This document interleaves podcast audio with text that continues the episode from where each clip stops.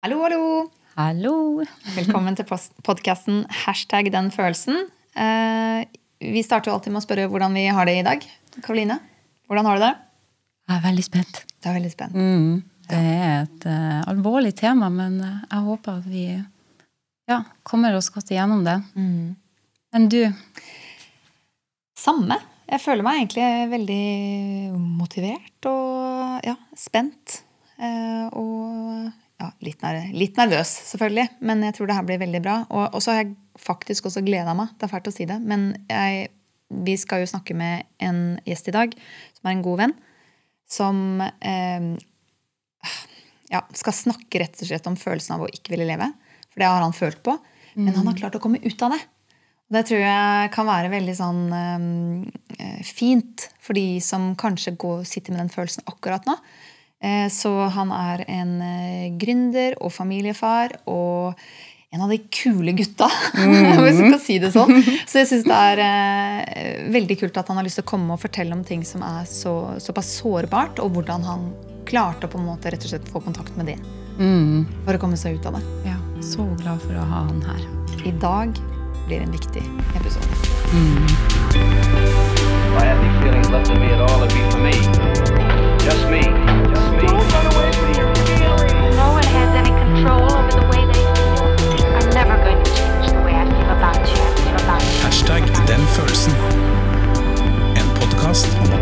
Hverandre litt mer gjennom å tåle oss selv.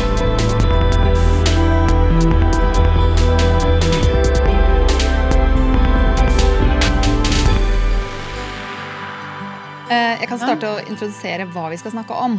Følelsen av å ikke leve, ja. ja. ja. ja. Eh, og vi har jo googla og leita eh, mye etter hva vi kan finne om dette med å ikke ville leve. Selvmord, rett og slett. Eh, eller selvmordstanker, selvmordsfølelser. Eh, på nettet, hva er det som egentlig står der ute? Og det var veldig vanskelig å finne noe. Det sto mye statistikk. Men det sto liksom ikke så veldig mye om hva folk følte. Det var noen par steder. Eh, webpsykologen nevnte noe, så hvis man er interessert i å lese litt forskning på det, og liksom typer som ofte kan eh, føle på dette, og litt sånne ting, eh, så, um, så burde, man gå og sjekke det på nettet. Men det vi fant, hvert fall, det var eh, på hjelptilhjelp.no så er håpløshet en utarmende følelse som kan oppstå ved psykiske lidelser, og som gir risiko for selvmord. Det kan ofte være snakk om en depresjon som gir en følelse av at livet er håpløst. Det er viktig å ta eh, håpløshetsfølelsen på alvor og søke hjelp tidlig. Håpløshet er en følelse at forholdene aldri vil bli bedre, og at det ikke er noen løsninger på et problem. Og for mange fører det til en følelse av at å dø av selvmord ville være bedre enn å leve. Når man føler at livet er håpløst, er det stor sannsynlighet for at man har en depresjon og ubehandlet depresjon er en svært vanlig årsak til selvmord. Det står mer om eh, selvmord på nettet, så her finn gode steder å, å leite om eh, selvmord Nei, eh, om depresjon.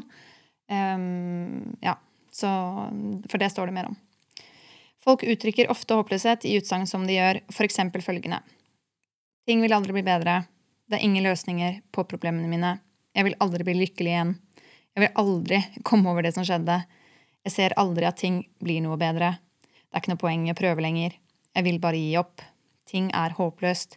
Jeg føler meg så håpløs. Det er ikke noe håp for meg. Hva har jeg å se frem til? Fremtiden er tom for meg. Jeg ser bare at ting vil bli enda verre i fremtiden. Alt går i nedoverbakke. Jeg vil aldri komme tilbake til der jeg var. Det er for sent for meg, og det er ingenting jeg kan gjøre for at ting blir bedre. Mm. Check. ja.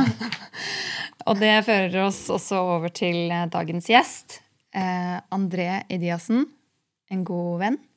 Mm. Eh, jeg har vært veldig spent på denne episoden. Jeg kjenner jeg er veldig spent nå. Ja, Kjente dere det? Ja. Det var helt sånn så fort Ja, Vi kjenner hverandre så godt, så vi har snakka om disse tingene før, men ikke på denne måten. Så jeg er så takknemlig for at du vil komme og dele eh, dine opplevelser og erfaringer med det å ikke ønske å leve. Mm, tusen takk for det. Ja. Takk for invitasjonen. Du kan kanskje fortelle litt om deg og litt om dine, eh, ditt forhold til følelser. Mm. Og så kan vi gå rett inn i uh, følelsen av å ikke ville leve. tenker jeg. Jeg skal begynne på det siste du sier. Det her med følelser har vært ufattelig vanskelig for meg hele livet. Det har vært noen ting jeg har slåss mot ganske lenge, spesielt visse typer følelser. Som spesielt den vi skal snakke om i dag, den har vært en stor kamp et par ganger i livet. Skikkelig krigskamp. Så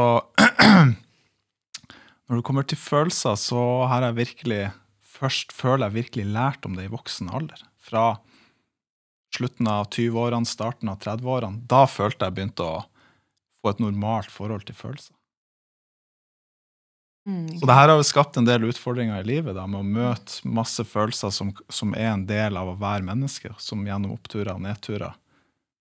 Så har det vært Igjen, de følelsene vi skal snakke om i dag, har vært det absolutt vanskeligste. Men også det jeg føler jeg gleder meg sånn til å prate om, er at det er noe håpfullt med det her også. Det er min intensjon. Det er det jeg holder med å være med her i dag. Ikke bare fordi det er hyggelig å henge med dere, selvfølgelig, men, men det er noe håpfullt å dele med å gå gjennom de vanskeligste følelsene man kanskje har kjent på i livet.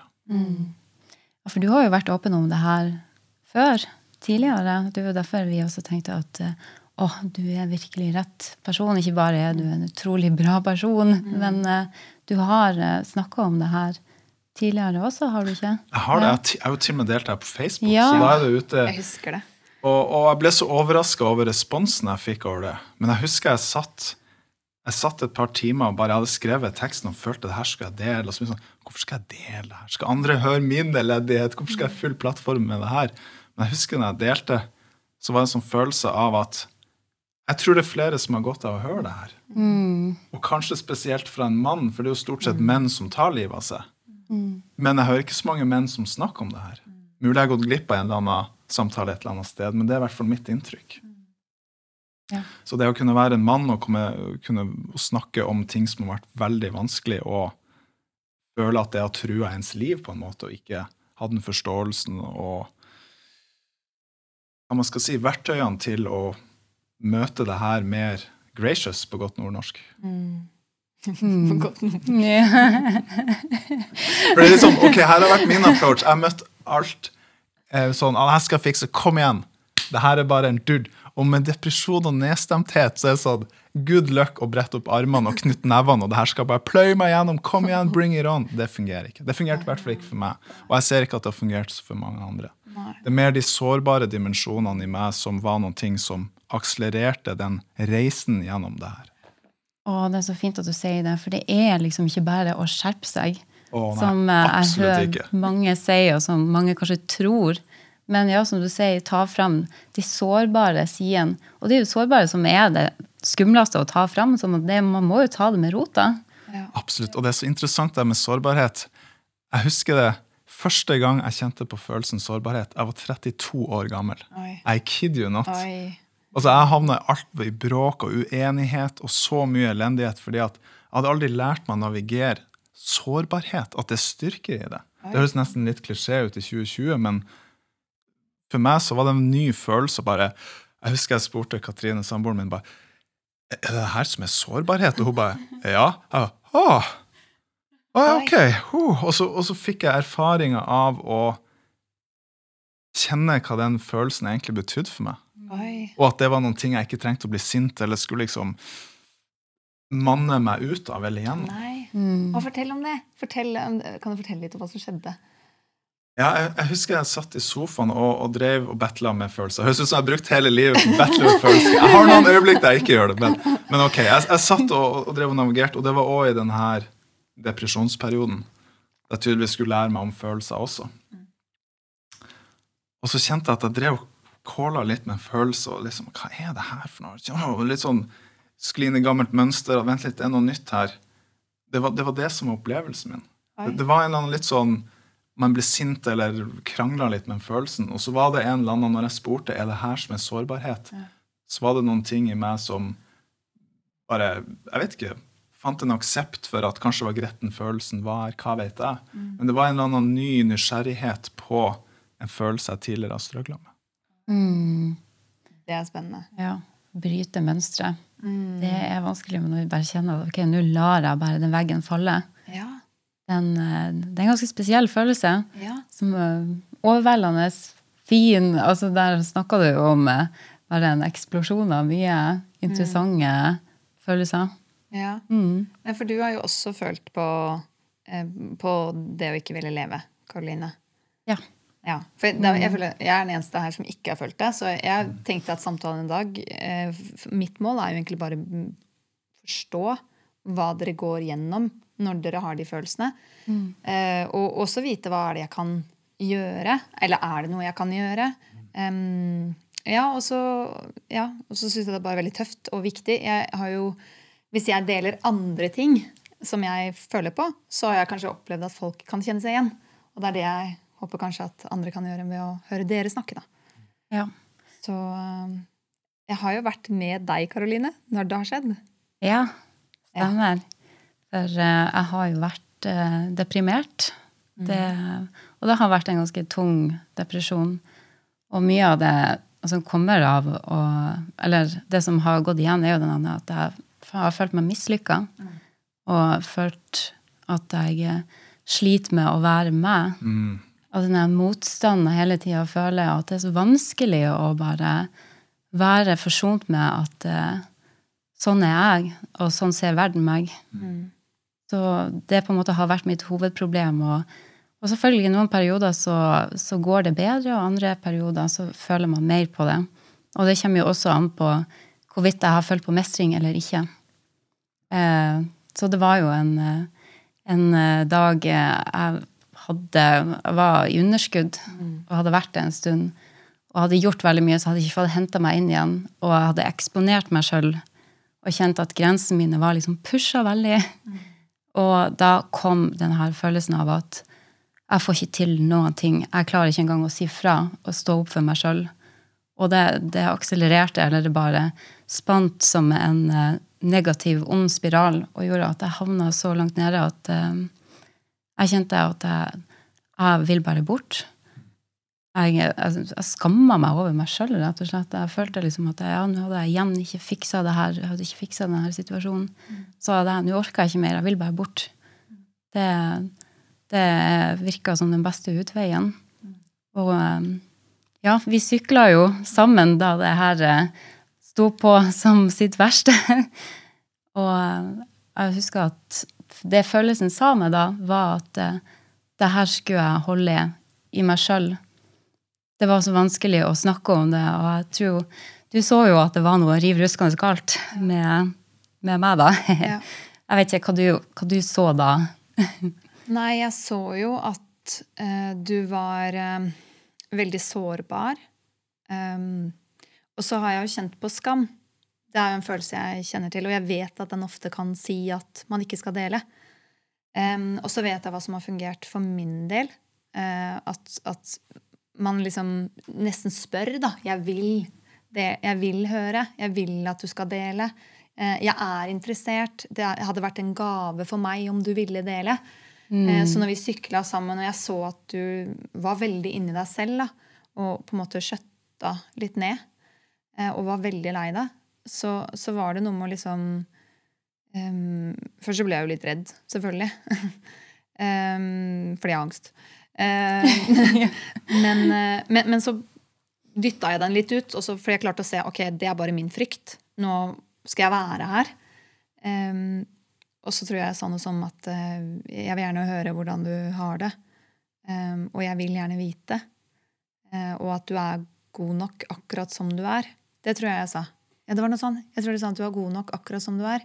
Mm. det er ingenting du trenger å endre. Em, var veldig, veldig glad i deg. Mm. Selv, selv nå. Um, fordi jeg tror kanskje ikke du trodde det sjøl, da. Nei, jeg opplevde veldig mye selvhat, da, egentlig. Eller eh, følelsen av at jeg, jeg er mislykka. Jeg er- er bare en dritt.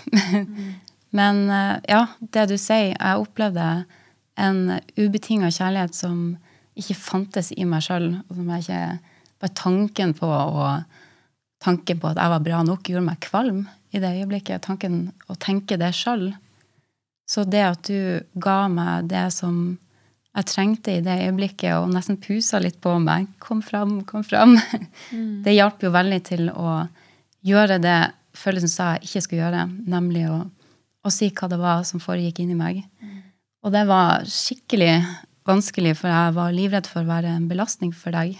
Eh, livredd for å skremme deg, eller eh, at eh, situasjonen skulle bli enda mer ukontrollerbar enn som, enn den allerede føltes. Ja. F.eks. at du skulle reagere veldig stort, Ja. som jeg heller ikke ønska. Så, men iallfall Du gjorde det så trygt for meg at eh, jeg sa det til slutt. At eh, jeg følte at den eh, største selvkjærligheten jeg kunne gi meg sjøl, var å ta livet mitt. Ja. Og det jeg sa det, så føltes det ut som jeg skulle Altså at magen, alt som kom, eh, var i min mage, skulle komme opp da. Og så begynte jeg å gråte masse.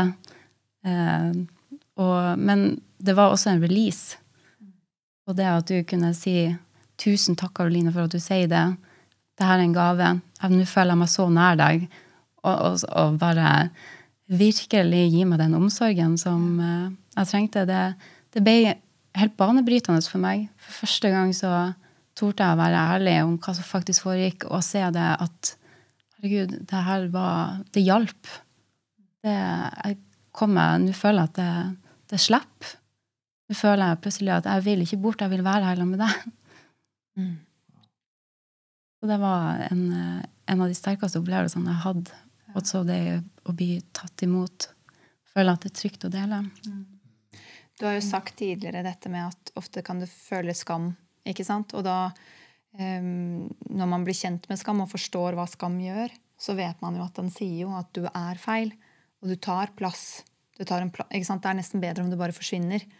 Um, så da er det å få høre da, at liksom, det du deler nå, det som liksom tar plass i gåseøynene, det er en gave. For da Ja, du utmanøvrerer eh, eh, skammen. Du, du sier 'den tar feil', Ja. og så eh, kommer den ut i lyset, da. Og da den, eh, har den ikke så mye makt. Mm. Ja. Nei, jeg har jo opplevd Jeg har ikke opplevd selvmordstanker eh, eller følelser. Men jeg husker første gangen jeg opplevde skam. Det var en ganske kraftig opplevelse. Og da husker jeg jeg hadde hatt en veldig fæl drøm.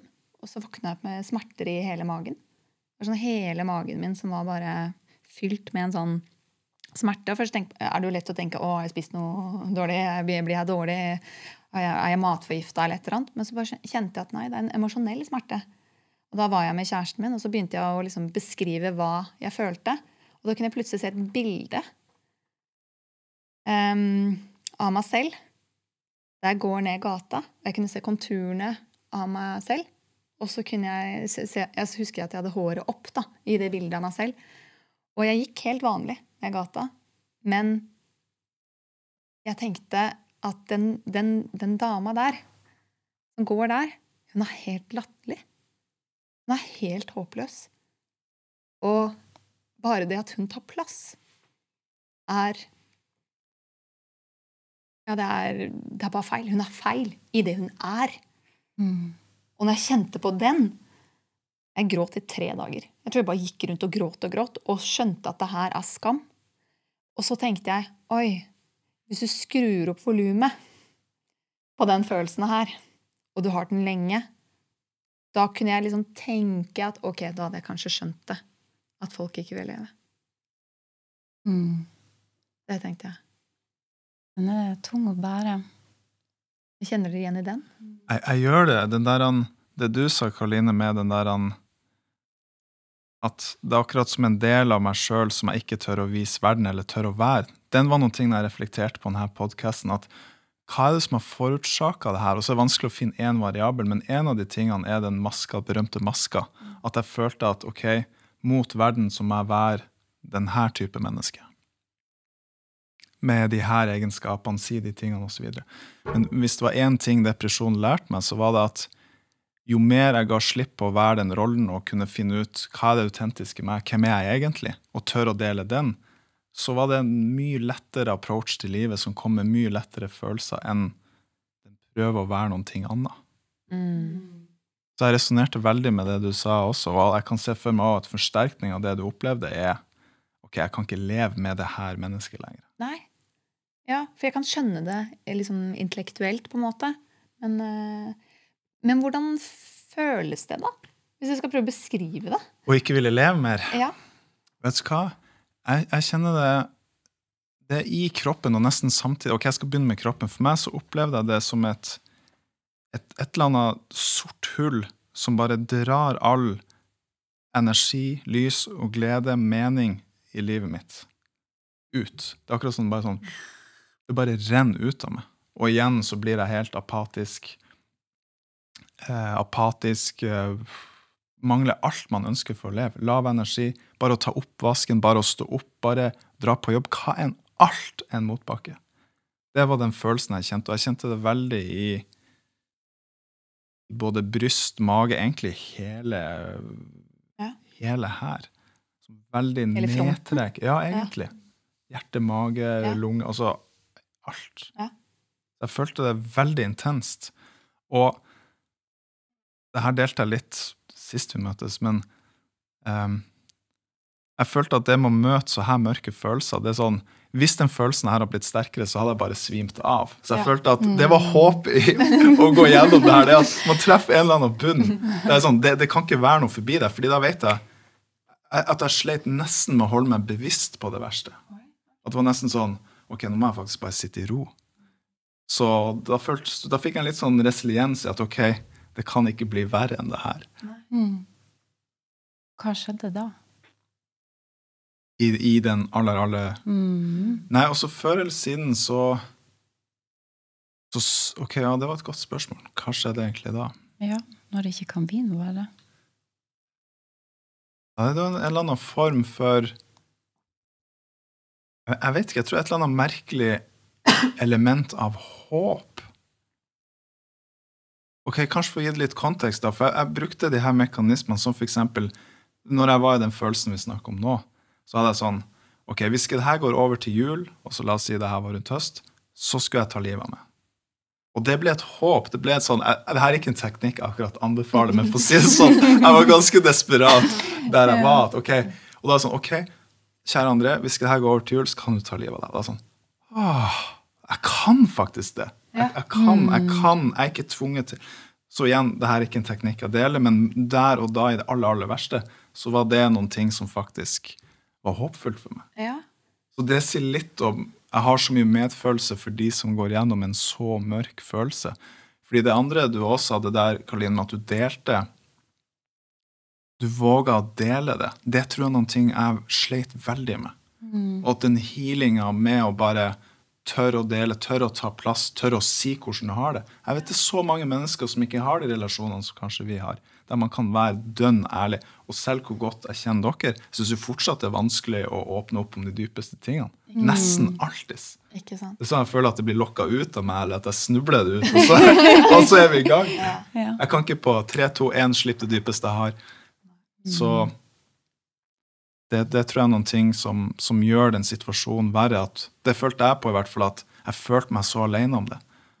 Og som dere vet, dama mi hun har bakgrunn i psykologi, jeg kjenner masse coacher, jeg hadde mentorer. Jeg hadde kanskje jeg, jeg, jeg er kanskje noen av de heldigste som opplever depresjon, fordi jeg har så mye flotte folk rundt meg. Det er ikke alle som nødvendigvis har, har det der de er i livet akkurat nå. Nei. Og det å liksom gå tenk, Da beit meg merke i når du sa det med at du fikk et håp når du ga deg sjøl den muligheten. Men det er også det der å gå For den følelsen er jo så, den er så tung.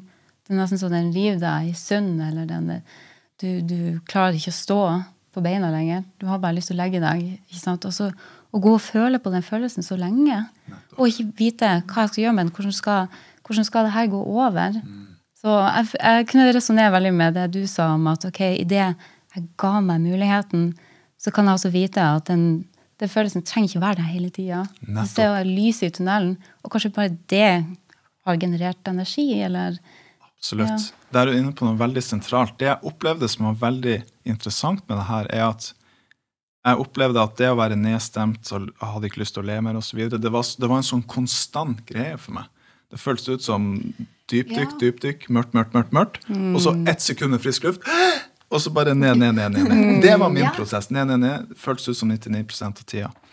Men det, det jeg opplevde, var at eh, at det her kunne snu på ett sekund. Med en helt ny tanke som jeg ikke hadde hatt før, så kunne jeg praktisk talt være ute av det. Det, det var veldig håpfullt. Mm. Fordi jeg, og, det, og igjen, det var ikke som at jeg prøvde å tenke positivt. Det fungerte ikke for min del med det her. Bare, jeg bare lat som alt er bra. Det var ikke min oppskrift. Det fungerte ikke på meg. Tro meg, jeg har prøvd. Men, men jeg så at for meg ble det her en prosess i å gi mer slipp og kontroll med følelsene mine. Jeg tror ikke jeg har sagt det sånn som det her før. Men det var mange av de følelsene som jeg det er som jeg slåss mot, som jeg skulle bli kvitt, som jeg skulle meditere bort, trene bort, jeg skulle tenke de bort. Men mye av de følelsene jeg opplevde i det her, det handla ikke om det. Det var akkurat som jeg fikk en ny oppgradering av hvordan jeg skulle møte følelser. At jeg trenger ikke å være hands on. Å, da kom en sånn følelse, og tror ikke å være veldig sånn. Jeg kunne mer slappe av i selv de verste følelsene. Og igjen, jeg vet ikke, jeg skal ikke dra med meg menn i det her, men det er i hvert fall jeg som mann kanskje det er en vanskelig ting å gjøre. og at, at ting skal fikses eller løses, forstås. Men noen av de følelsene vi prater om her, min opplevelse er at det ikke, det, for meg var ikke det nøkkelen. Jeg måtte lære meg å slappe mer av i vanskelige følelser. Og jeg hadde faktisk en veldig interessant innsikt om det, som jeg tror igjen har jeg reflektert litt på den samtalen vi har her nå, som jeg tror var en veldig viktig del av det som hjalp meg ut av det her. Og det var, jeg husker jeg satt, det her var også på det verste, kanskje fire-fem år siden. Så satt jeg der vi bodde på Torshov, så satt jeg i sofaen, og så kjente jeg at det kom en sånn mørk, den her berømte 'jeg vil ikke le mer'-følelsen. Jeg kjente den kom snikende på. Og sånn, OK, nå skjer det igjen. Ah, og så plutselig, i det her lille galskapen min, å nei, nå går vi dit, så fikk jeg et øyeblikk av innsikt der innsikten var André, du trenger ikke å gjøre noen ting for å komme tilbake til balanse igjen. Det var innsikten. Og da husker jeg følelsen bare slapp, og jeg bare Wow! Oh, kødder du? Var jeg sånn haha, Det der frigjørelseslatteren. Jeg var så Ja, lett. Jeg bare Nå er jeg knekt nøtter på depresjon. Nå bare, Woo! Og så var det bare et par dager etterpå så satt jeg i samme sofaen, hadde samme klær på meg, alt var likt. Så kom følelsen igjen. Cocky som jeg var, så bare bring it on. Så bare, Det er bare ikke gjøre noen ting. Det er bare ikke gjøre noen ting. Det er ikke bare å gjøre noen ting. Og så rett ned i helvete. Og da husker jeg var så sur, jeg var så skuffa, jeg var så såra, jeg var så lei meg. Møkka innsikt. Jeg vil aldri ha Så i ett år så holdt jeg den innsikten borte. Bare sånn verdiløs innsikt, og egoet mitt var så såra. For jeg prøvde å gjøre ingenting. Mens den følelsen, den innsikten, den kom med en André, du trenger ikke å gjøre noen ting for å føle deg bra igjen. Så jeg, jeg gjorde det om til gjøren, og fikk skikkelig ris på rumpa, for å si det forsiktig. Men da, og det er òg en ting som jeg ser at ok, det har hjulpet meg massivt til å møte spesielt de eller egentlig alle følelser, men for å holde on points med det her, spesielt de mørkeste følelsene. Ja. ja, for jeg kjenner det igjen, det med aksept. Aksept. Jeg er jo en doer, det har vi snakket om. Og jeg sliter jo Og jeg har liksom eh, eh, under meditasjon Det jeg har, på en måte er veldig god til, det er å sette opp en agenda, sette meg ned og meditere. Og så sitter jeg der, og så skal jeg gjøre. Og så prøver kjæresten min å si ja, men du, det er ikke noe du skal gjøre. Du skal gi slipp. Og jeg begynte sånn Hva mener du med noe i hendene, eller? Hvordan gjør jeg gi slipp? Ja, og det han, det han sa, en sånn, sånn utrolig fin ting som har hjulpet meg masse, det er det med Du skal ikke prøve å endre på noe. Det er aksept. Du skal ikke endre på noe. Og det, og det hjalp meg med angsten min. Den derre Ja, her er du. Jeg er ikke redd deg. Og da har jeg min måte å gjøre det på. Kanskje jeg kan gjøre det litt verre. Lene meg inn mot den, gi den en klem og si sånn 'Velkommen'. Jeg er ikke redd deg. Og så bare wow, forsvinner den jo.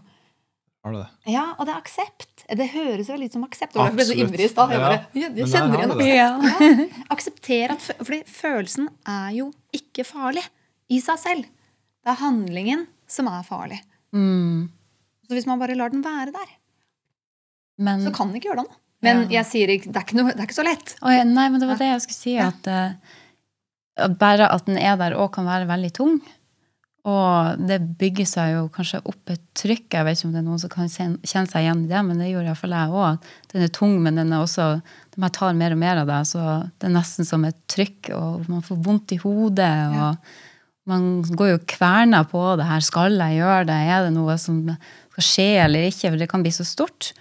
Men jeg innså bare idet jeg liksom begynte å, å si at vet du hva, dette er faktisk noe jeg tenker Jeg, har, jeg gjorde det før denne gangen vi snakka om òg. Bare det her at jo, faktisk, jeg har vært så nede at jeg har tenkt at jeg ikke har lyst til å leve. Men bare det å si det også, det er bare så slapp. For da aksepterer jeg at den er der. Ja. Da, da anerkjenner jeg at det er en følelse som er der. Jeg prøver ikke å skjule den. Jeg lar den komme til lyset. Og da ble det plutselig bare sånn Ja, jeg har faktisk de tankene. Og det er greit. Å gud, det er jo mange som har de tankene. Ja. Etter hvert som det blir snakka mer om, etter hvert som jeg snakker mer med folk, og vi snakker om det, og bare Å ja, du har, du har også følt på det. Ja, shit, nå begynner vi å bli mange som, eh, som har vært der. Og det å igjen ikke føle seg alene om det, og kunne normalisere praten rundt det og se at ja, det er bare en følelse.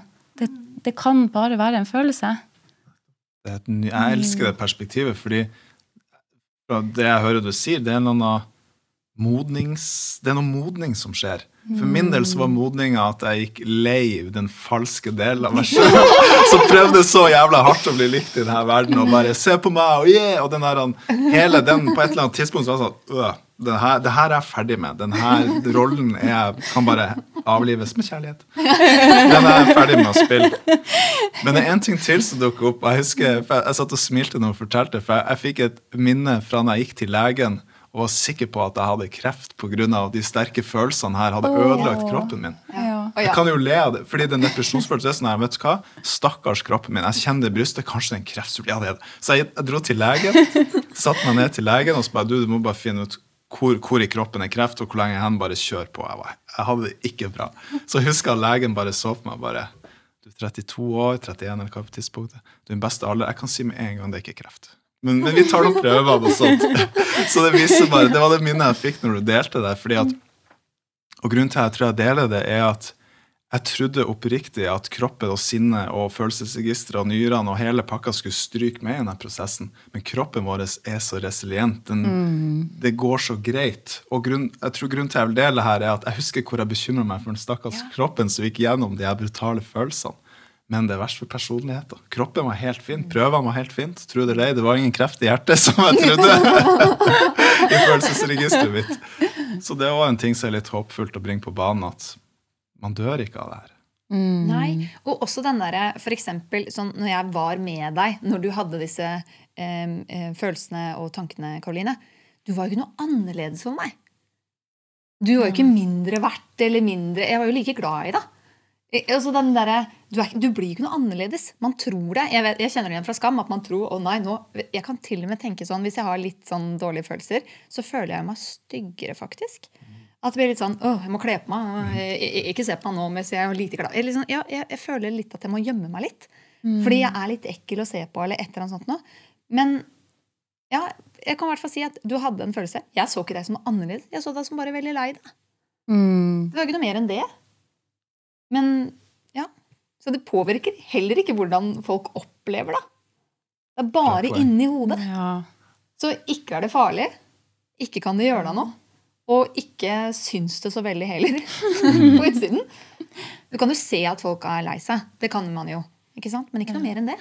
Det er nok Man ser nok ikke ut sånn som man føler seg. Nei, det er ingen som sier 'André, skal du ta livet av deg?' Altså, det er ingen som har sagt det noen gang. Nei, nei, nei. Jeg husker faktisk en gang jeg så en som var veldig sånn nede. Da husker jeg tenkte sånn Oi, det der ser ikke bra ut. For da kan du se liksom at man smiler lite og litt sånne ting. Men da så jeg bare at vedkommende ikke hadde det bra. Det har jeg sett. Så, Og det er jo kanskje bra, egentlig, at det syns litt. Ja, takk ut for Sånn det, at man, noen kan liksom si at jeg ser faktisk at du ikke har det helt bra. Så det er bra. For da kanskje man ikke ser det selv. For kanskje man da er midt i den der tro at å, jeg er helt aleine om det her, og det er faktisk skadelig. Og, ikke sant? At, mm. at kroppen egentlig sier fra litt utad også. Mm. Er det noen andre jeg kan sende alarm til? Som ser meg og bare tar tegnene mine, da. For jeg klarer det ikke selv. Ja. Nei, det var en, uh, veldig, veldig fint at vi deler det her. Bare setter så pris på det, altså. Ja, og det er liksom viktig for meg å få belyst. Vi snakka om det før vi begynte å spille inn. Hva er intensjonen eh, vår, alle Ja. sammen? Og det slo meg, og jeg tror vi har mye av det samme, André, det med at vi vil jo vise at det er lyst i tunnelen, og at man er ikke alene om det her. Det ordner seg. Mm. Ja. Og det, ja, det er liksom viktig å få frem. Og, og håpløshet er jo en sånn typisk følelse som går hand i hand med, med det å jeg kjenner at nå har jeg ikke lyst til å leve lenger. Og jeg tror jo det kommer av at man, som du nevner, at man ikke tillater følelsene å være hos deg. Man skyver de unna. Man vil ikke vedkjenne de og, og jeg har kjempa imot. Og den motstanden den, den blir jo stor etter hvert da, hvis man driver og dytter og dytter og dytter. Og jeg tror det er det som jeg prøver å si, at det, det går bra å møte følelsene. Idet du velger å møte følelsene, så vil må få det bedre, og i hvert fall prøve å uttrykke de. Det bare er så viktig å få det ut. Satte, apropos det du sier nå, håpløshet. Mm. Vi har til og med fått et spørsmål om det, og at vi kan snakke om det i podkasten. Mm. Så hvordan ville dere beskrive håpløshet? Og hvordan føles håpløshet ut? Ja. Det er jo å føle at man ikke kommer seg noen vei. Ja. Det er det at jeg står fast. Det var mitt ord òg. Står fast i en vond følelse Ja. som bare vibrerer permanent. Sånn rrr, dårlig følelse. Da har vi samme opplevelse. High five! Det er den. På tvers av kjønn. Ja, ja. ja. Bare, hvor, det, det her går ikke bra. Som du også nevnte når du leste opp den faktabiten. Men eh, det har jo jeg også gjennom denne reisen blitt bevisst på at eh, når jeg har hatt det som verst, så har jeg jo bare sett problemene. Jeg har ikke sett at eh, det er noe lys i tunnelen. Det har bare vært mørkt. Men det har også vært en tanke som har gått igjen. At eh, nei, det ordna seg ikke. Men eh, så så jeg også at eh, det her har vært en tendens hele livet mitt å se problemer fremfor løsninger. Og at eh, det handler jo også om at jeg ser på meg sjøl som et problem. Så jeg måtte jo begynne å bli glad i meg sjøl, eller altså prøve å finne den der eh, selvaksepten. Sånn når vi også snakker om aksept her inne. At jeg må akseptere at jeg er meg. Og da kommer jo det med å akseptere følelsene sine også. Og se det som er løsning, at det går an å gjøre det. Det bare er, er veldig krevende.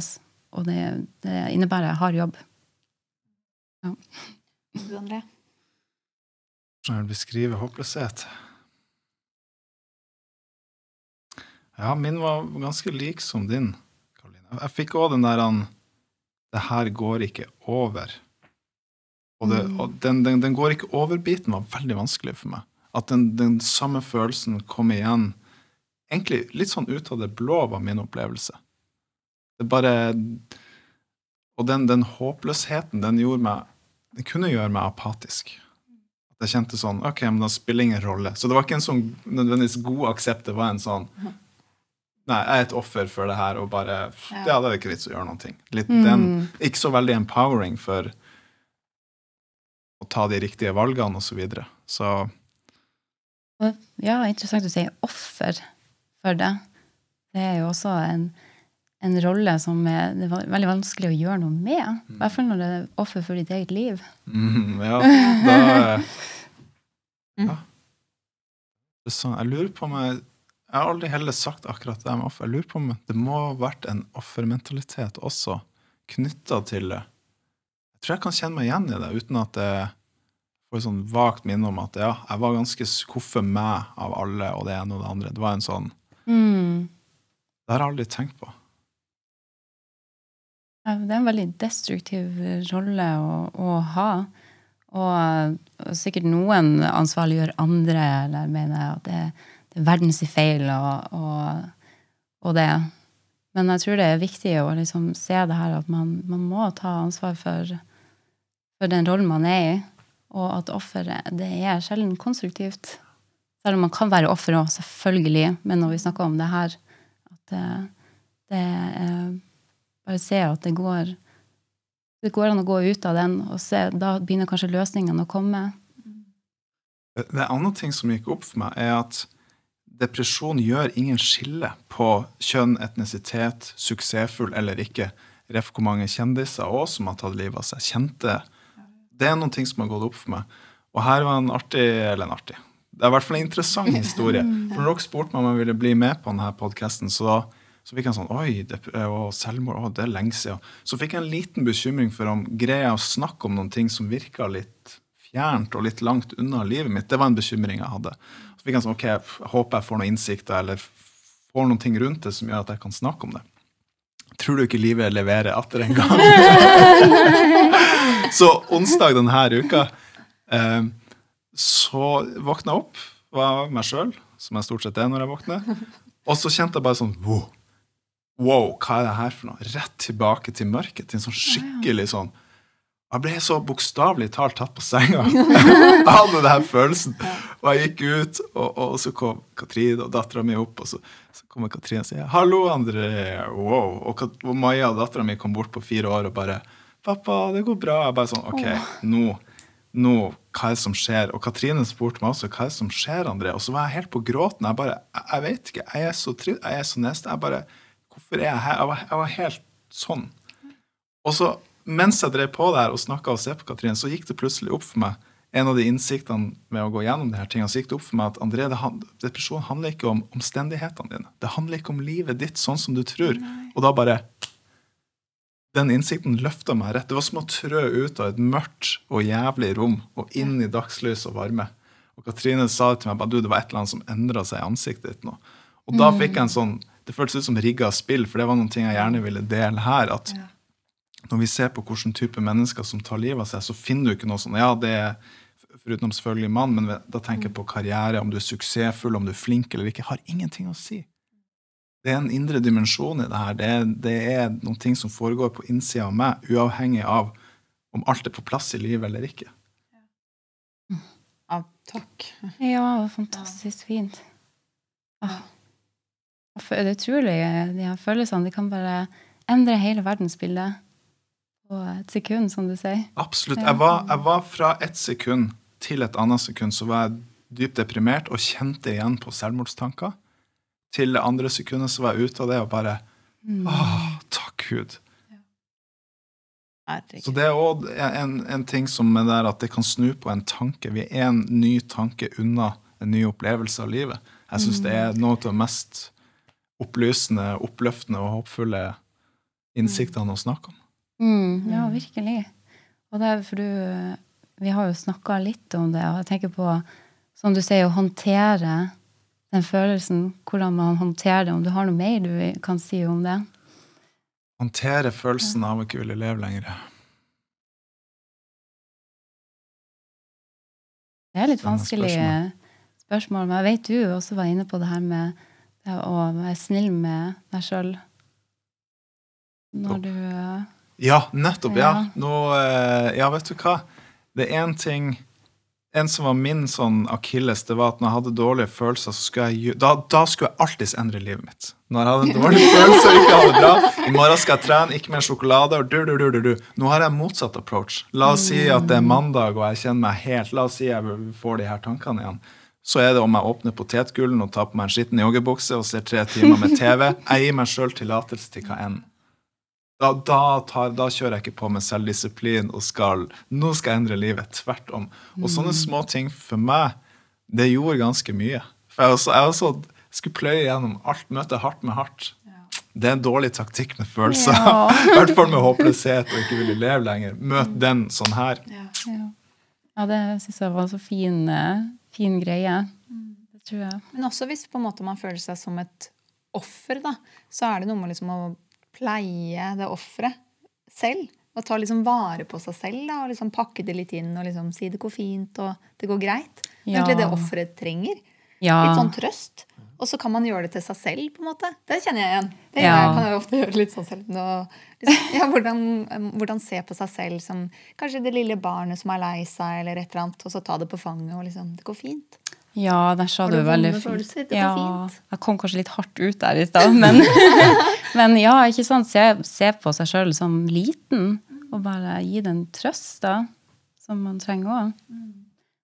Og ja, gud, det var noe jeg tenkte på. Ja, i forhold til altså, håndtering og sånn, at uh, jeg syns jo det er fantastisk å komme seg ut i naturen Yes. når uh, ting står på som verst. Absolutt. Vi snakker om å sitte, eller for meg å sitte inne i et, eh, et rom og føle at jeg blir så stort og blir også Jeg, jeg, jeg føler at hodet mitt og det egoet mitt som kommer fram da òg, det blir så innmari stort. Så idet jeg kommer meg ut og i, i frisk luft og kjenner at eh, naturen er der, og fokuset begynner å endre seg til at jeg ser hvor vakkert ting er rundt meg, det bare er en sånn utrolig hilende opplevelse.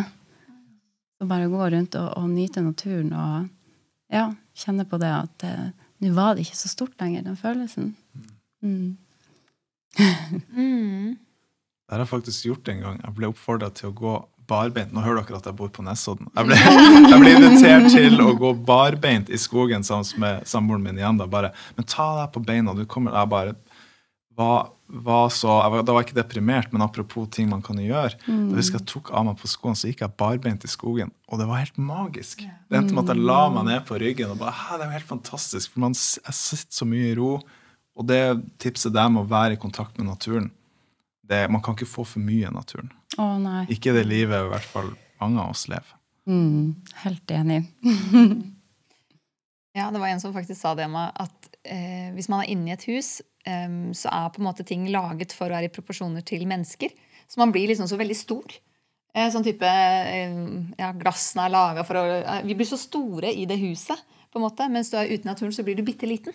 For det er så utrolig stort. Og da på en måte synker, e- eller krymper egoet litt. Og det er veldig behagelig for oss. For da er vi ikke på en måte det er ikke, Jeg er ikke helt aleine i hele verden. Eller det er ikke Ja, det er noe som er større enn oss, da. Og det kommer jeg egentlig inn på dette med eh, Vi snakker litt om håpløshet, aksept og alle disse tingene her. Eh, og håp inni her så ligger jo også det å tro på Yes. at noe kommer til å på en måte bli bedre. Og, og så begynte jeg å tenke litt på dette med eh, som vi har fra religion. da, Dette med tro, håp og kjærlighet. Og størst blant dem er kjærligheten. Det er sånn, Kanskje vi har blitt så sekularisert og tatt vekk fra kirken at vi på en måte Og nå sier jeg ikke at vi skal tilbake til dit, men liksom bare det med å tro på noe. og ha det håpet. Og definitivt kjærlighet er jo en fantastisk følelse. Det liksom Og det ja, topper alt, egentlig. Så hva legger dere i disse tre, da? Tro, håp og kjærlighet? Åh, jeg, jeg elsker. Altså, å ikke ha håp, da mister man en så viktig dimensjon av livet. Det er som å se, leve livet i svart-hvitt, og at det er rigga negativt. For eksempel, jeg har utelukkende tro på at livet har en positiv intensjon. Det er ikke her for å dra oss gjennom marerittet og være et menneske og alt. Det er ikke det. Så, så det er noen ting som ofte kan, kan løfte meg. Sånn som tro for meg er at jeg hatt innsikten at ting kan endre seg med én ny tanke. Tro den løfter meg ganske raskt når jeg minner meg på hvordan det her egentlig fungerer. Så jeg er helt enig i å ikke ha tro og håp. Det, da, da er det et kontrollerende, hardt liv, altså. Ja. Nå blir livet en jammerdal. Ja. Jeg har faktisk ikke kjent på håpløshet. Men jeg snakket litt med deg i stad om det med å kjenne på å få håp. Så det er liksom, Kanskje det er håpløshet er på minusen, da, og så har jeg kanskje vært på nullen. Og så er det det med å få pluss, plussen av det å få håp. Jeg husker jo faktisk det var en gang jeg hadde en dårlige følelser. Jeg husker ikke hva det var. Men så gikk jeg og mediterte, og så lå jeg der veldig veldig lenge. Og jeg husker bare at det var mye smerte, eller det var vondt i kroppen, og jeg likte ikke å, å sitte her. Og etter en stund, for jeg ble bare liggende, så var det som om jeg på en måte ga litt opp. da, Og sikkert uh, uten å vite det oppdaga aksept da, med å gi slipp. Da kom det plutselig et sånt bitte, bitte lite lys langt inn i brystet. Sånn inn, på innsiden av Det kjentes ut som et bitte lite lys. Og med en gang jeg la merke til det lille lyset, så var det som om den bare ekspanderte og bare liksom ble større og større og større og fylte hele meg. Og det var sånn instinktivt at jeg tenkte det er håp. Det er håp. Og håp er et lys som bare på en måte sprer seg. Og alt kommer til å gå bra.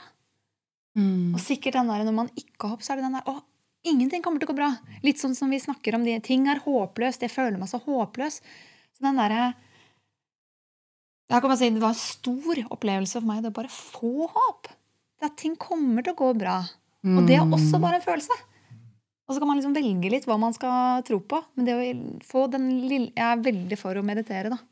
For meditasjon lærer deg rett og slett å observere, og du får bitte litt avstand fra deg selv og følelsene dine. Sånn at du gjør det Ok, nå, nå kom denne mørke følelsen inn i rommet igjen. Jeg trenger ikke å gifte meg med den. Den trenger ikke å bli meg. Det er bare en følelse som er her, litt på besøk. og så går den når den er ferdig. Mm. Og ikke noe mer enn det. Og den kommer til å fortelle meg at livet er håpløst, og at det her kommer ikke til å gå over. Men det er bare Det er bare fargen til følelsen. Det er ikke sant, da. Den lyver, rett og slett. Mm. Og det går, det går fint. Jeg skal bare la den være der. Å, det er så fint sagt. Det er så viktig. Absolutt. Kjempeviktig. Det går over. Det går over. Det er ofte mitt mantra òg. Alt blir bra. Det Ja. går over. Og ikke minst det der med at eh, selv om det er skikkelig vondt å stå i det, og jeg føler virkelig, virkelig med alle som, som kjenner på de eh, tankene og de følelsene, den følelsen, så er det også mye å lære av den, Ja. faktisk. ja. Hva kan man lære av den, da? Det er jo en forståelse, medmenneskelighet, og også finne ut av hvorfor jeg har denne følelsen her. Hva er det den egentlig prøver å fortelle meg? Er det noe med at ja, ok, lever jeg livet mitt feil? Er det noe Ja. Må jeg finne, finne ut hva som er viktig for meg? Ja, altså hvilken retning skal jeg gå? Jeg har følt veldig på det at uh, idet jeg begynner å se mer hvor jeg vil, hvor jeg skal henne, eller hva som er riktig for meg uh, i forhold til hvilken vei jeg skal gå, så har jeg kjent mer at det har Altså den depresjonen og de depressive tankene og også det her med å føle at jeg har alt er håpløst, at det har begynt å slippe mer. Og det er jo ikke gitt at det er sånn for alle. Alle har sine grunner. Så det er nu, sant. Men det her med at man kan faktisk lære mye av det òg. Også det å kunne være det for andre. ja. Og ikke lenger være så alene om det. Mm. Ja. Jeg tror det er også ganske sentralt den der å tørre å lytte dypere til seg sjøl hva man egentlig vil. Det tror jeg også, det er en av ingrediensene sånn som jeg ser det, for å Som kan sette Bortgang er riktig på det, men det er i hvert fall nære veksten til at det nye kan ta form. Om det er at man skal bytte karriere eller gjøre noe meningsfullt. Det er- Det òg min opplevelse. Mm. Så en prøver å si deg noe, da. Absolutt. ja noe, er ikke er, noe er ikke bra med livet Ja. sånn som det er nå. Det må liksom Man må gjøre noe med, Mm. med det. Og det er jo kanskje også det med å tillate seg å bare være seg sjøl. Mm. Som jeg tror det kan være vanskelig for mange. Det har vi kjent på sjøl òg, men igjen det her med selvaksept og, og prøve å elske seg sjøl. Være god nok. Ja, være god nok. Ja, ikke det her flink pike, flink gutt-syndromet. Bort Ja. fra det. Gjøre det man sjøl føler er riktig. Ikke det eksterne. Mm. Det er derfor er som du sier, kjendiser og liksom, Det er ikke noe sånn at du kan være verdens rikeste person, liksom, men fortsatt være deprimert. Eller eh, ha lyst til å ta livet ditt. Um, fordi det er ikke noe eksternt. Det er en følelse. Så det er ikke noe og så kan du tenke, ja, og det er jo også Man snakker om kriser og sånne ting også. At hvis det dukker opp i Hvis man blir skilt, eller hvis det, man mister jobben, ikke sant? da er det noe eksternt igjen. For den selvverdien den ligger på innsiden. Mm. Det har ingenting du har, Helt ærlig, du er like mye verdt om du så ikke har jobb. Eller om du så ikke er gift. Det Mm. er ingenting du kan gjøre som gjør at du ikke blir. Må bare tro på det. Du må tro på det. Mm. Og håpe det. Mm. Rett og slett. Ja. Ja. Er det noe mer eh, i? Ja, si det. Ja. Det er en ting til som dukker opp, og det, er- det er litt inne på det vi snakker om, men det er at jeg, jeg så på livet mitt at det her handler om det her med omgivelser igjen, at på papiret så hadde jeg jo alt. Jeg hadde en fantastisk jobb, jeg hadde en datter på vei, forhold, venner, alt. Penger på bok, frisk. Alt. Men det, det hadde ikke noe å si, for som du sier, det var følelsen. Så den der, og, og, og da tenker jeg om enten min depresjon på en måte var enklere, vanskeligere enn folk som kan peke på noen ting i livet. Ja. For det er så mange som ja, men det er pga. at jeg er i feil jobb. Eller det kan være de ulike tingene. Men jeg hadde ingenting å peke på i livet mitt. Det var utrolig forvirrende. Det var først i etterkant nå, kanskje det siste Ja, fra dere spurte meg om å bli med her, at det gikk opp for meg at at jeg kanskje ikke var helt tro mot meg sjøl, at jeg spilte en maske. Det er det nærmeste jeg kommer. Men det er òg en intern greie. Tankefølelse. Det har ikke noe med livet å gjøre sånn sett. Mm. Da kan det egentlig bare dukke opp da, uansett. Og det trenger ikke å være en god grunn. Og det sier, nei, Nei. nettopp, det er akkurat det. Det sier ingenting om deg som person og menneske. Mm. Det er bare en følelse. Men bare en følelse uten håp. Nå sier jeg det uten å vite det her, da, for dere er jo på en da, men- kan det mer. Er, ja. Gir det mening? At det er bare en følelse som sier at ting er håpløst? At det er ikke noe vits? That's it. Og det er jo mye som kommer med det. Men det er bare en følelse. Den har ikke rett. Den er ingen gjenspeil i virkeligheten. Det er kun en følelse. Det var du som lærte meg eh, i forhold til meditasjon dette med at du er rommet, og følelsene kommer og går gjennom det rommet der. Så det er ikke, du er ikke følelsen, som du sier. Du er ikke håpløs eller mislykka, eller uansett hva det måtte være. Så den, eh, I forhold til meditasjon er er Ja. så viktig å få den avstanden til, til det. Og som du sier også, en følelse kan jo endre alt i løpet av et øyeblikk. Ja. Det her å vite at man er ikke følelsene sine. Nei. De kommer og forteller noe, og det kan være noen ganger være veldig vanskelig å skjønne hva de, de egentlig vil si.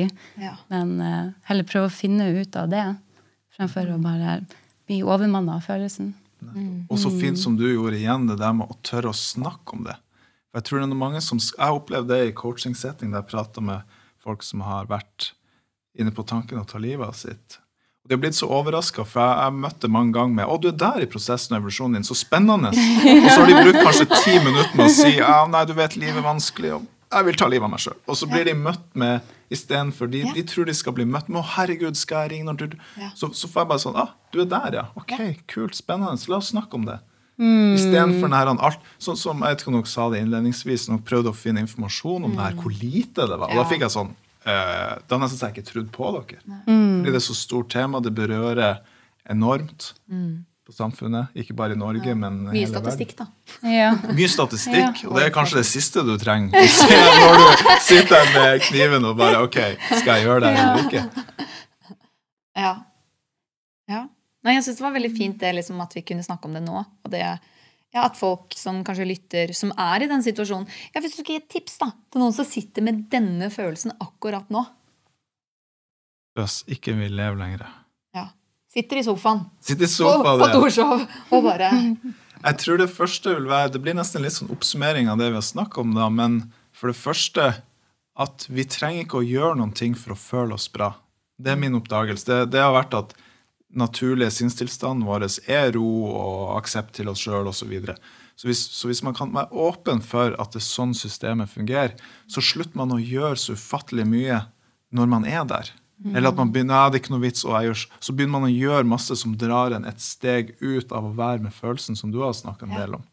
Det ville ha vært min første hva jeg skal si, tips, om du vil. Ikke tips for å komme ut av det, men hvordan man kan møte noen av de vanskeligste følelsene som i hvert fall jeg har kjent på. Så ville det vært et veldig sentralt tips, om du vil. mm. Høres ut som et godt tips. ja, veldig. Og nummer to, det, Mhm. det fikk du til å tenke meg på. Det gikk opp for meg at jeg mediterte masse før her denne her depresjonsperioden begynte. Jeg slutta med det. Det angrer jeg veldig på nå, innså jeg nå. Så det å meditere er noe, også som du sier, du kan få et annet perspektiv på følelser. Det er energizing, finner ikke norske ordet på det, men det, det er noen ting med meditasjon som er ekstremt verdifullt eh, generelt i livet, og spesielt på det her også. Så det igjen gikk opp for meg nå. Meditasjonspraksis, helt super. Ikke bare på det her, men på hele livet generelt. Ja. ja, Man lærer jo mekanismer. Det er liksom Man trener opp kroppen til å bli bevisst på å observere. Og ja, Bare observere pusten, være til stede, rett og slett. Og hvis man er til stede her og nå, så er man ikke i følelsen som man kom på i går, eller satt i sofaen og huska For da lærer man seg å slippe. da. Hvis Man er ikke i fremtid, man er ikke i, eh, i fortid, men man bare er her og nå. Og det er ikke sånn at man alltid er det, men det er det man prøver å trene på da, i hvert fall, i meditasjon. Mm. Eller i sånn jeg Og så kan man plumpe i det og bare Plutselig så slapp det. Mm. Og bare, Oi, hva var det for noe? Nei, jeg vet ikke. Det var bare noe som ga slipp. Ja. ja jeg syns det var interessant det her eh, og Da leste jeg forskning på det, eller ja, noe sånt, da, at eh, det er vel bare 5% av eh, Altså, nei, hvordan skal jeg si det her? Det er fem, 95 skjer ubevisst, og 5 skjer bevisst i vår tilstand. Og være sånn Shit! Bare 5% gjør vi bevisst. Resten går på automatikk. Ja. Så meditasjon handler jo om å skape større bevissthet, hvor du tar mer kontroll over det som skjer ubevisst. Og det gjelder jo også følelsene. For de kan jo komme og feste seg på deg ubevisst, eller at gamle tankemønster og ting som kanskje ikke er feil, men som har fått lov å feste seg på deg gjennom livet og oppvekst og alt, kommer og styrer deg i feil retning. Og så er du, fordi du ikke er bevisst på det, så skjer det, og så blir man et slags offer for dårlige, negative tankemester som ikke trenger å være der. Som ikke tjener deg i det hele tatt. Som du kan gjøre noe med hvis du bare ah, switcher på. Får slå på lysbryteren og bare ser ah, det er bare en følelse. Ja.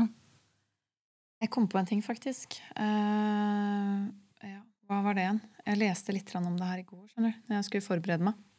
Og da snakka de litt om eh, at de sa det at jenter også prøvde eh, oftere å ta livet sitt, faktisk.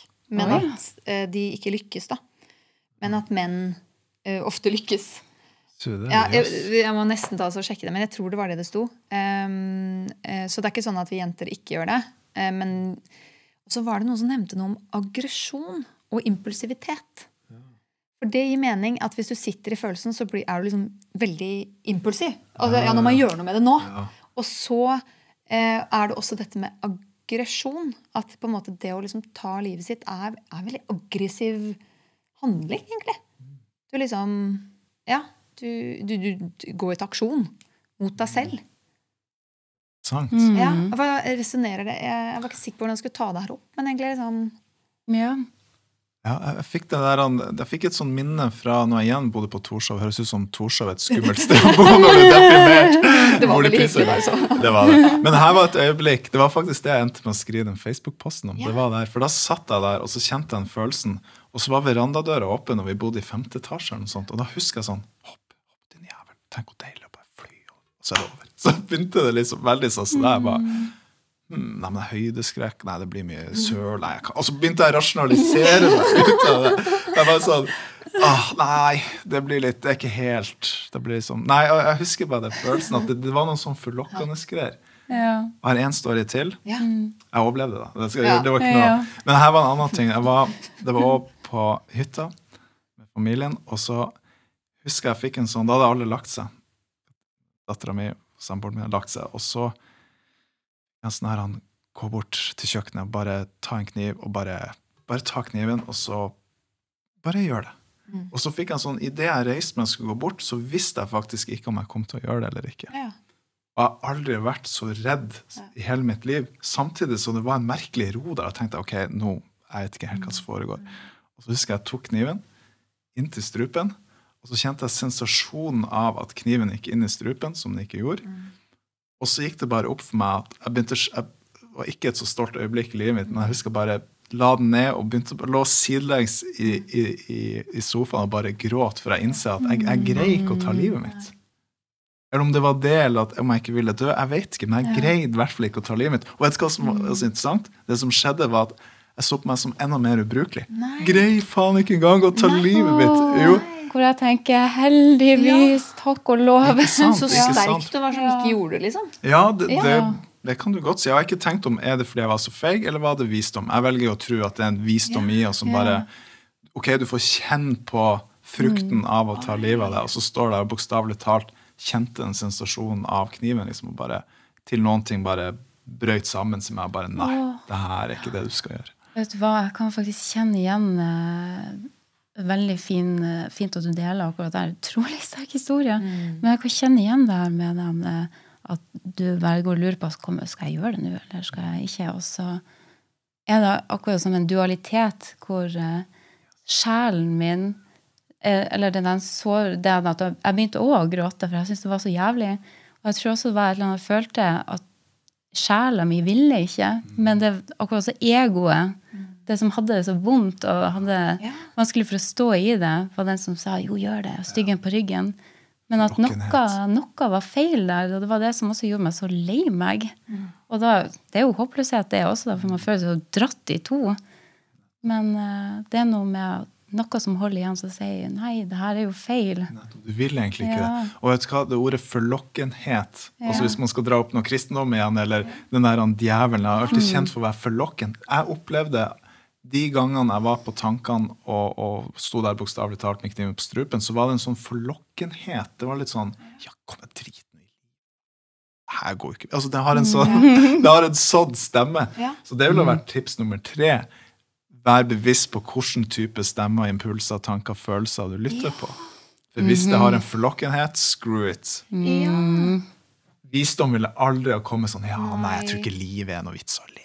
Hopp utfor, du bare kjøper. Den kommer ikke sånn. Den kommer med håp, varme, forståelse, kjærlighet. Sånn blir den servert. Ikke med en sånn ja, bare, bare, ja, ikke sant? Bare do it, you bastard. Ja, for det er kjempeviktig å si det, at det kan også være forlokkende. Ikke sant? Det er en forlokkende bit der. Ikke sant? Som man, eh, bare sånn ikke snakker, ah, det er bare håpløst. Men det er også en forlokkende bit her som sier Quick exit. Ikke sant? Men, men, men det var det det å Hvem er det som snakker, som du sier? Kommer dette fra kjærlighet? Et av mine favorittmantraer. Kommer det fra ego, eller kommer det fra kjærlighet? Og hvis det kommer fra et sted som ikke vil deg vel, da kan du vedde på at det ville lyve til deg også. Absolutt. Du skal ikke stole på kilden. Det er noe, den derre forlokkende stemmen, den, den, den, den lyver. Ja. Ikke hør på den. Det er ikke sannhet. Og jeg har òg en ting der som vi, vi to snakka om, faktisk. At når du er der i det øyeblikket, og du bare kjenner at ok, å, det her er så intenst at det, ja, kanskje jeg gjør det, så er den der eh, Kanskje jeg skal se på meg sjøl som psykotisk nå. Ja. Ja. Ja. At eh, jeg er ikke med mine fulle fem. Og når man ikke er med sine fulle fem, hva gjør man da? Man gjør ikke en dritt. Ikke sant? Ja. Da, Vet du hva, Det der er veldig interessant. Jeg leste, jeg så et intervju med noen som hadde hoppa utfor en bru prøvd å ta livet av seg sjøl, og hadde overlevd. Ja. Og i det sekundet den personen, det var en mann, i, i det han hoppa, så innså jeg at jeg ville ikke dø. Ja, ikke sant? Så, så det er et eller annet der som er veldig sentralt. Og en annen ting som jeg lærte gjennom det her, er at den eneste måten jeg greier å gjenkjenne egoet mitt på, følelsen. Ja. Den er, for den kan, logikken kan være flawless med egoet. Det kan være å ja, du, du, du, du, hva enn. Men hvis feelingen av det jeg tenker off, så er det sånn mm, mm, Mm. Kjøper ikke den. Nei. Så følelsen er eneste måten vi kan, i hvert fall som jeg opplever det, kan gjenkjenne hvor jeg kommer Ja. ifra. Ja, Du kan gå inn til det der kompasset man har inni seg. Liksom sånn, Hvor kommer det her fra? Kommer det her egentlig, Blir det noe konstruktivt ut av det? på en måte? Den, og du, da kjenner du.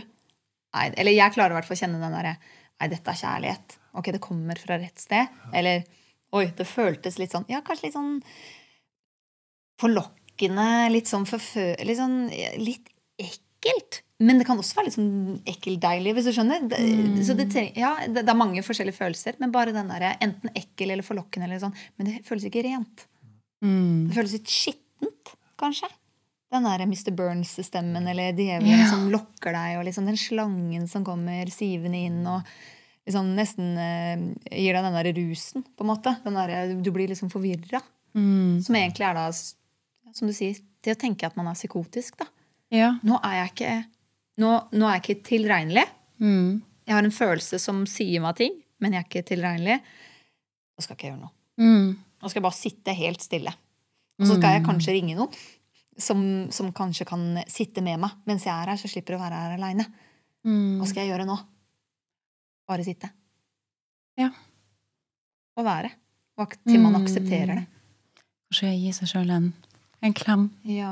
Og en pose potetgull. Mm. Ja, en pose Ja. potetgull. Stryk seg Ikke sjøl på kinnet. alkohol. Selv om det er mandag. Nei, alkohol fungerer veldig Nei. dårlig i det her. Ja, det det kom jeg faktisk frem også. De sa det, at mye sånn alkohol og sånn. Mm. absolutt Eh, ikke ja. For da mister du impulskontrollen, og akkurat nå trenger du det. Ja, Faktisk. det er det vi Ja. vil beholde nå. Du trenger bevissthet, ikke ned i, eh, i, i uh... Sløvskap og Ja. Eller det, det at man blir nedsløva og ikke Ja, ja, ja. har kontroll. Jeg kan ikke se for meg at et menneske som har sånn drukket seg frisk ut av en depresjon, er- det har jeg veldig vanskelig for å se. Altså. ja. Mm. ja. Da har jeg mer trua på de tipsene vi har delt. ja. Ring noen. Snakk seg ut av den. Snakk seg. ut. Ja, Ring en god venn. Og hvis du opplever det her, eh, ja, snakk med folk Ja. og forklar hvordan det er for deg. Um, snakk om det, snakk om det, snakk om det. Herregud. Ja. tror vi har, Landa. har landa. Uff. Det ble ikke så ille. Eller? Jeg håper ikke det Flere? Jeg kan tenke på ille. Nei, jeg, jeg, jeg var litt sånn Jeg kjente på at jeg liksom, å, jeg ble litt, sånn, jeg, jeg, litt redd. Kanskje hva skal det bli? Og jeg kjente litt sånn gryende angst og sånn. Og så bare, Ah, ja. ja, og så bare gikk det bedre. Ja. Ja. Jeg er jo livredd for å si noe feil, eller Ja. Å, ja. Og jeg bare med den offer, og jeg bare Sa jeg noe dumt nå? Ja, Og jeg holdt på slutten med å ta opp, liksom. Men jeg tenker sånn bringte jo på banen masse ting som er helt fantastisk for folk å høre. Det er det eneste jeg tenker. ja, Og du med, du sier så Ja. mye fint, André. Ja, at det, det er virkelig en gave. ja. Ja, takk så godt å høre. Ja. Og likeså. Virkelig.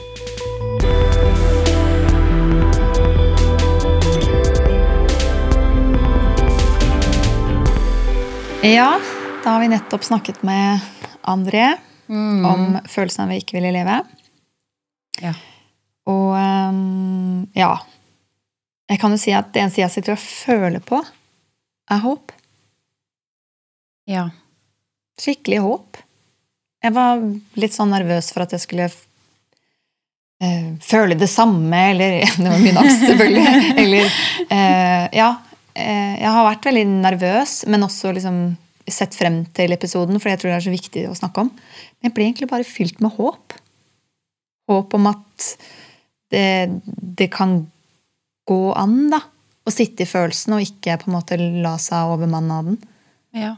Men at man kan komme ut av det. Kanskje også på et blunk, ikke sant? Hvis man bare aksepterer det. Mm. Og det høres jo kanskje hardt ut når man sitter og forteller det man gjør, og det har vært veldig tungt. Men det, det har gått bra. Ja. Nå har jeg det veldig bra. ja. Og det, funnet, vi fant ting, både jeg og André, vi har funnet ting som har hjulpet, og det går an å komme seg ut av det. Mm.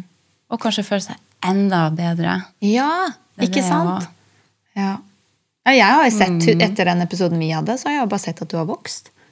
Ja, ja virkelig. Det var et kvantesprang for min Ja. del. Så det, ting kan ordne seg. Ja, Mm. så bra. Ja. Vi får eh, ja, bare håpe at dette her kan hjelpe noen. Mm. Mm. Og at man slipper å tenke at man er alene. For det er man absolutt ikke. Og bare for å ha det sagt på slutten, hvis du sitter og føler på det her, så gjerne ta kontakt med noen. Om du ikke føler at du har noen nære venner å snakke med, eller familie, så er det mange instanser som, eh, som er der og kan hjelpe deg. Ja. ja. Godt å ende på det. Mm.